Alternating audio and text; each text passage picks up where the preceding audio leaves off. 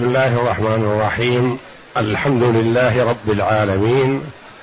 والصلاة والسلام على نبينا محمد وعلى آله وصحبه أجمعين. وبعد. أعوذ بالله من الشيطان الرجيم. بسم الله الرحمن الرحيم. وقالوا اتخذ الله ولدا سبحانه بل له ما في السماوات والأرض كل له قانتون. بديع السماوات والأرض إذا قضى أمرا فإنما يقول له كن فيكون.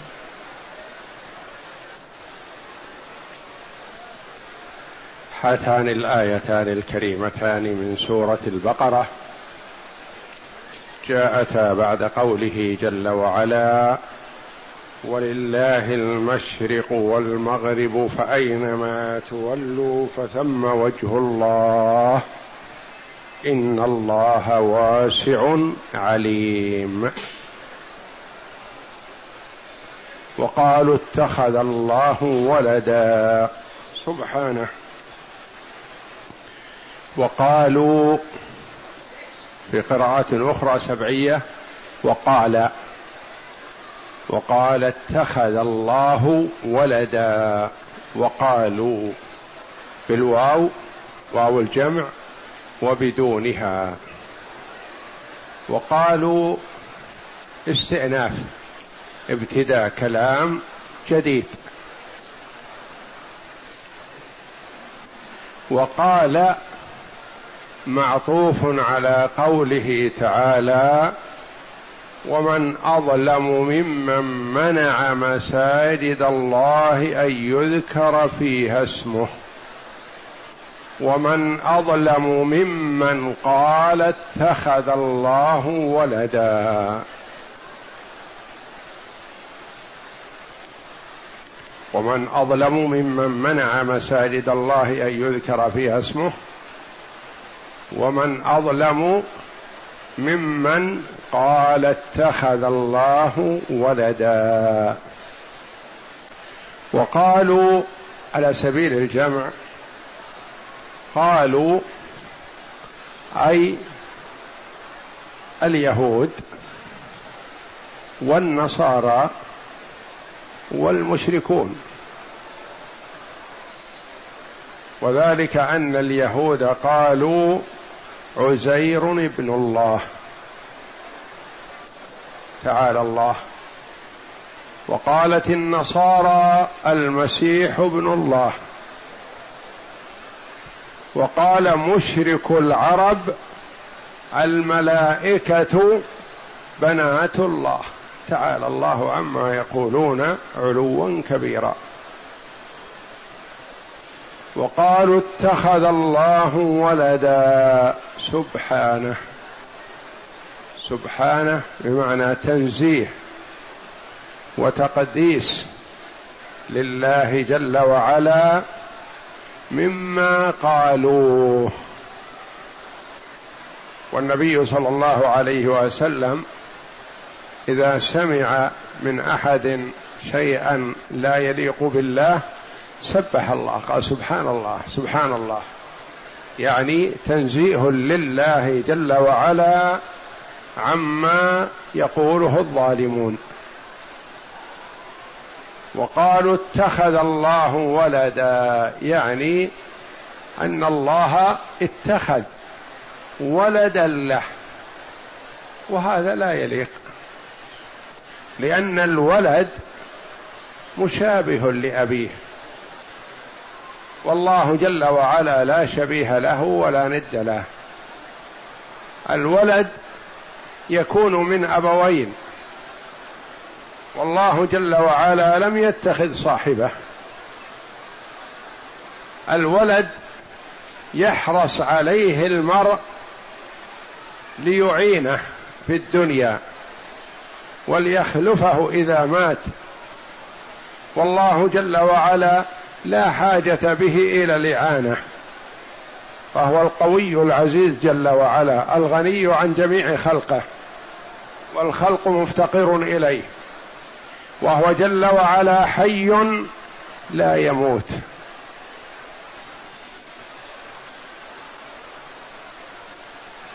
سبحانه بل الحقيقة والواقع له ما في السماوات والأرض. ما في السماوات وما في الأرض كلهم ملك له. والملكية تنافي أن يكون له ولد منهم. كل ما في السماوات والأرض ملك لله. ومن المعروف أن الولد لا يكون من الملك. الولد ليس مملوك. وما في السماوات والأرض ما فيها من ذرة ولا أدنى من ذلك إلا وهي ملك لله. معناه ما بقي فيه شيء يصلح أن يكون ولدا لله تعالى الله. بل له ما في السماوات ما في السماوات والأرض كل له قانتون. ما في السماوات ما هذه الغالب أنها تكون لغير العاقل. ولما جيء بما التي لغير العاقل مع وجود الملائكة في السماوات والجن والإنس في الأرض عقلاء. قال تغليبا للكثرة.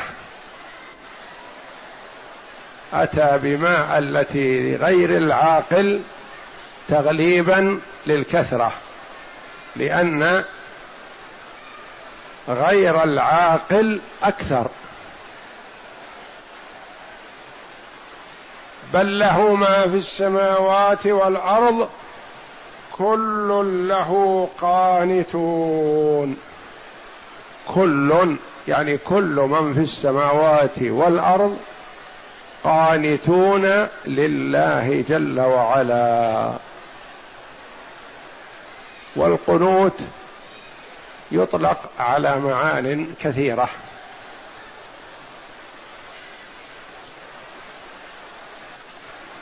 يطلق على الطاعة.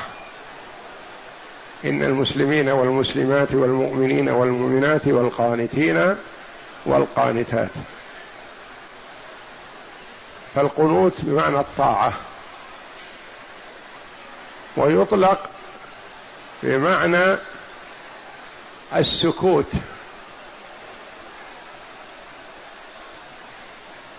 يقول الصحابي كنا نتكلم في الصلاة حتى أنزل الله جل وعلا وقوموا له قانتين فأمرنا بالسكوت ونهينا عن الكلام. إذا سكت يقال له قانت. كما يطلق القنوت على طول القيام. طول القيام يقال له قنوت. فالقنوت يطلق على معان عدة والأقرب أن المراد في هذه الآية والله أعلم كل له قانتون أي مطيعون. اختيارا أو جبرا. مطيعون له شرعا أو قدرا. شرعا عباد الله الذين يعبدونه ويطيعونه ويتقربون إلى الله. وقدرا إن كل من في السماوات والأرض إلا آتي الرحمن عبدا فهم عبيد لله شاءوا أم أبوا. رغم أنوفهم.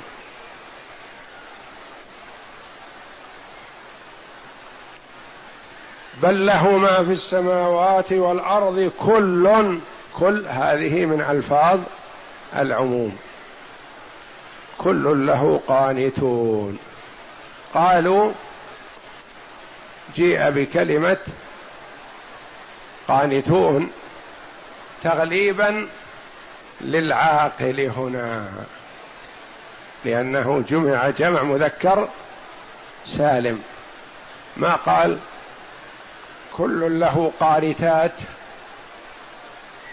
أو كل له قانت قال قانتون.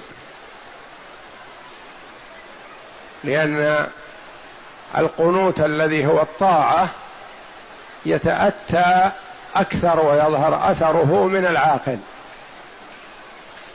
بخلاف الملكية فالملكية واقعة على الكل وغير العاقل أكثر من العاقل. والقنوت يتأتى على الطاعة وطاعة العاقل أظهر وإلا فكل له عبدا إن من شيء لا يسبح بحمده. كل الجمادات والحيوانات والنباتات وسائر المخلوقات تسبح بحمد الله جل وعلا ولكن لا تفقهون تسبيحهم. فهم مطيعون لله لكن ظهور أثر الطاعة في العقلاء أكثر. وفي قوله جل وعلا سبحانه بعد قوله وقالوا اتخذ الله ولدا توجيه للعباد بأن المرء إذا سمع ما لا يليق بجلال الله وعظمته يقول سبحان الله سبحان الله. يعني تنزيه لله جل وعلا عما تقول أيها المعتدي الجاهل. لأن من قال شيئا لا يليق بجلال الله جل وعلا فهو جاهل. وكما قال بعض الصحابة رضي الله عنهم كل من عصى الله فهو جاهل لأنه لو لم يكن جاهل ما عصى الله لأن الله جل وعلا لا يستحق أن يعصى. لكن ما حمله على المعصية إلا جهله بالله وبحق الله تبارك وتعالى. إقرأ. اشتملت هذه الآية الكريمة والتي تليها على الرد على النصارى عليهم لعائن الله وكذا من أشبههم من اليهود ومن مشركي العرب ممن جعل الملائكة بنات الله. يعني كل الطوائف الثلاث كلهم نسبوا إلى الله جل وعلا ما لا يليق بجلاله وعظمته. كلهم نسبوا له الولد تعالى الله. النصارى قالوا المسيح ابن الله واليهود قالوا عزير ابن الله. ومشرك العرب الذين يزعمون أنهم على ملة إبراهيم قالوا الملائكة بنات الله. نعم. فأكذبهم الله جميعا في دعواهم وقولهم إن لله ولدا. فقال تعالى سبحانه أي تعالى وتقدس وتنزه عن ذلك علوا كبيرا. وروى البخاري رحمه الله عن ابن عباس رضي الله عنهما قال قال رسول الله صلى الله عليه وسلم قال الله تعالى كذبني ابن آدم وشتمني كذبني ابن آدم وشتمني. فأما تكذيبه إياي فيزعم أني لا أقدر أعيده كما كان. لأنه أنكر البعث. وأما شتمه إياي فقوله إن فقوله لي ولد فسبحاني أن أتخذ صاحبة أو ولدا. نعم. فقال تعالى بل له ما في السماوات والأرض أي ليس الأمر كما افتروا وإنما له ملك السماوات والأرض ومن فيهن. وهو المتفرد وهم هؤلاء الذين يقولون ذلك هم من جملة ملك الله جل وعلا. نعم. والجميع عبيد لله وملك له فكيف يكون له ولد منهم؟ والولد إنما يكون متولدا من شيئين متناسبين وهو تعالى وتبارك ليس له نظير ولا مشارك في عظمته وكبريائه كما قال تعالى وقالوا اتخذ الرحمن ولدا لقد جئتم شيئا إدا. وقال تعالى قل هو الله أحد. شيئا إدا يعني شيئا عظيما شيئا كبيرا. افتريتم أن لله ولدا وهذا كذب وافتراء. نعم. وقوله تعالى قل هو الله أحد الله الصمد لم يلد ولم يولد ولم يكن له كفوا أحد. فهو جل وعلا لم يلد ولم يولد فليس له ولد وليس له أب تعالى وتقدس ولم يكن له مثيل ولا ند ولا كفء. نعم. هو الواحد الأحد الفرد الصمد. ويقول النبي صلى الله عليه وسلم إن الله وتر يحب الوتر فهو وتر يعني واحد لا مثيل له. جل وعلا. وفي الصحيحين عن رسول الله صلى الله عليه وسلم أنه قال لا أحد أصبر على أذى سمعه من الله إنهم يجعلون له ولدا وهو يرزقهم ويعافيهم. يعني ينسبون إلى الله ما لا يليق به وهو يرزقهم ويعطيهم ويعافيهم ويمدهم بما يطلبون. لا أحد أصبر على أذى من الله. يعني ما أحد يصبر على الأذى مثل صبر الله جل وعلا على الأذى التي تناله من العباد. يعطيهم ويعافيهم ويرزقهم ويخلقهم ومع ذلك يؤذونه تعالى. والأذى يصدر من ابن آدم لله جل وعلا والضرر لا يصدر.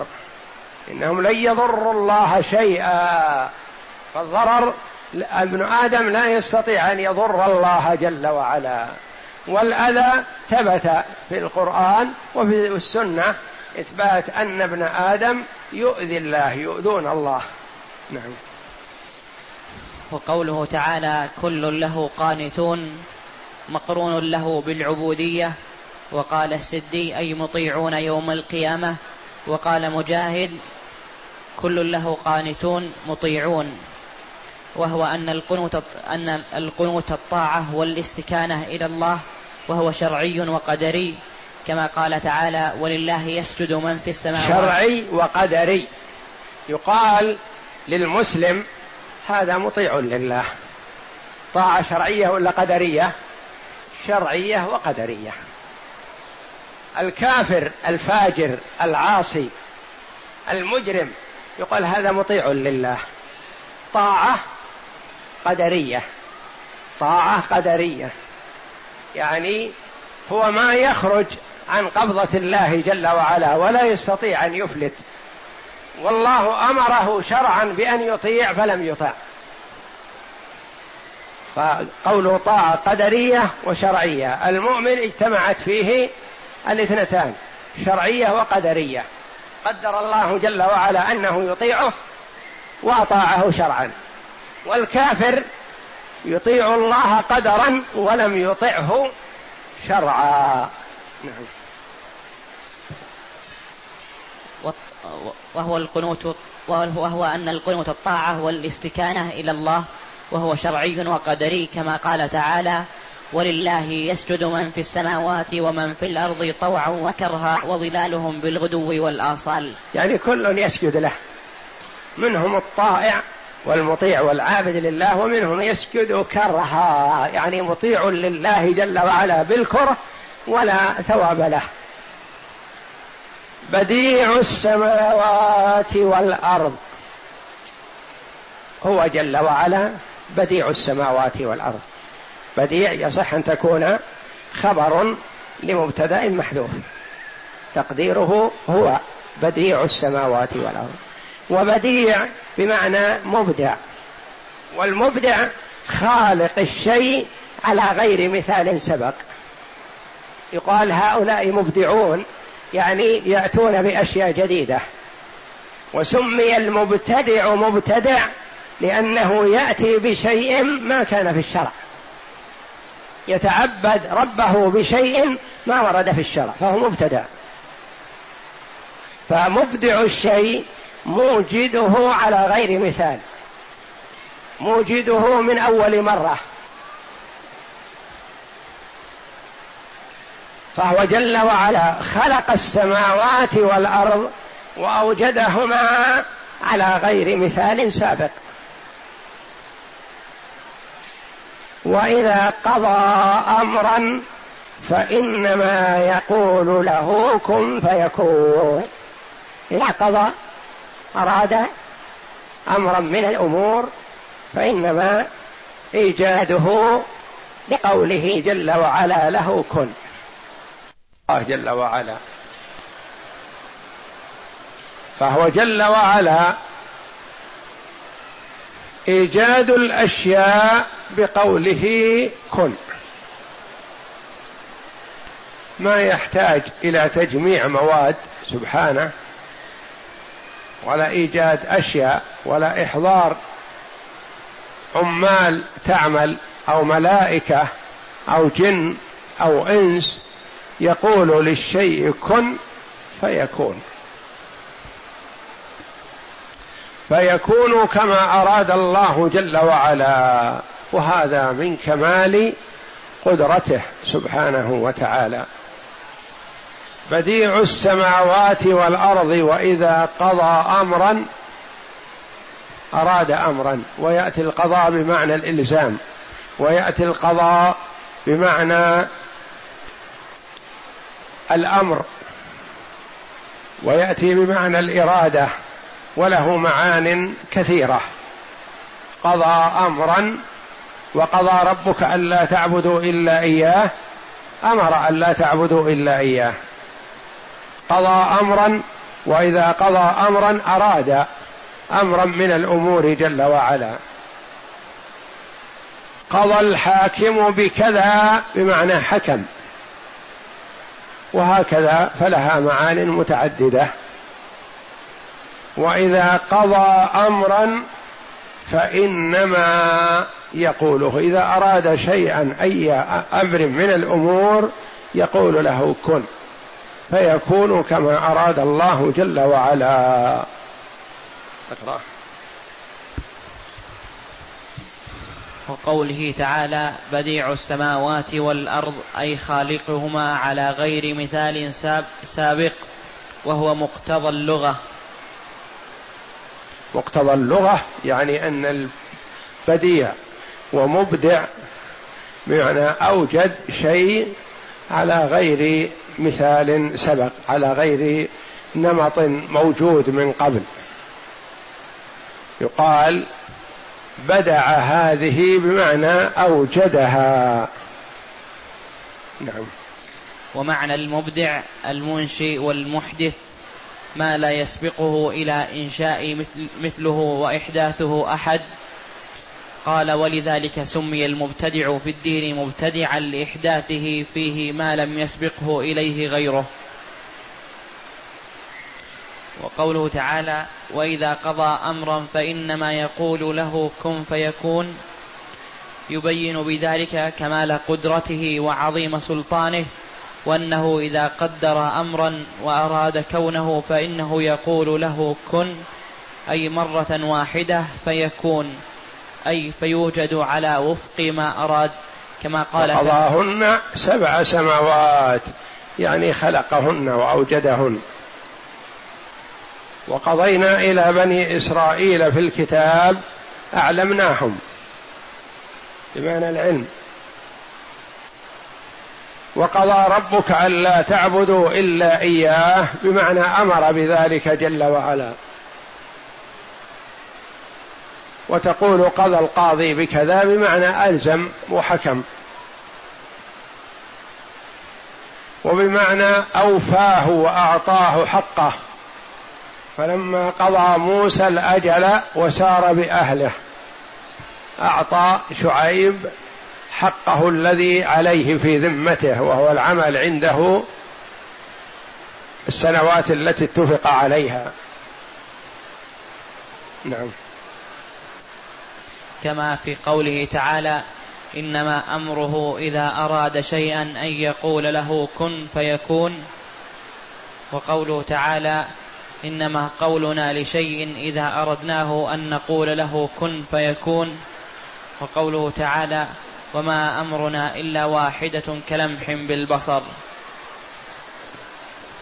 والله أعلم وصلى الله وسلم وبارك على عبد ورسول نبينا محمد وعلى آله وصحبه أجمعين.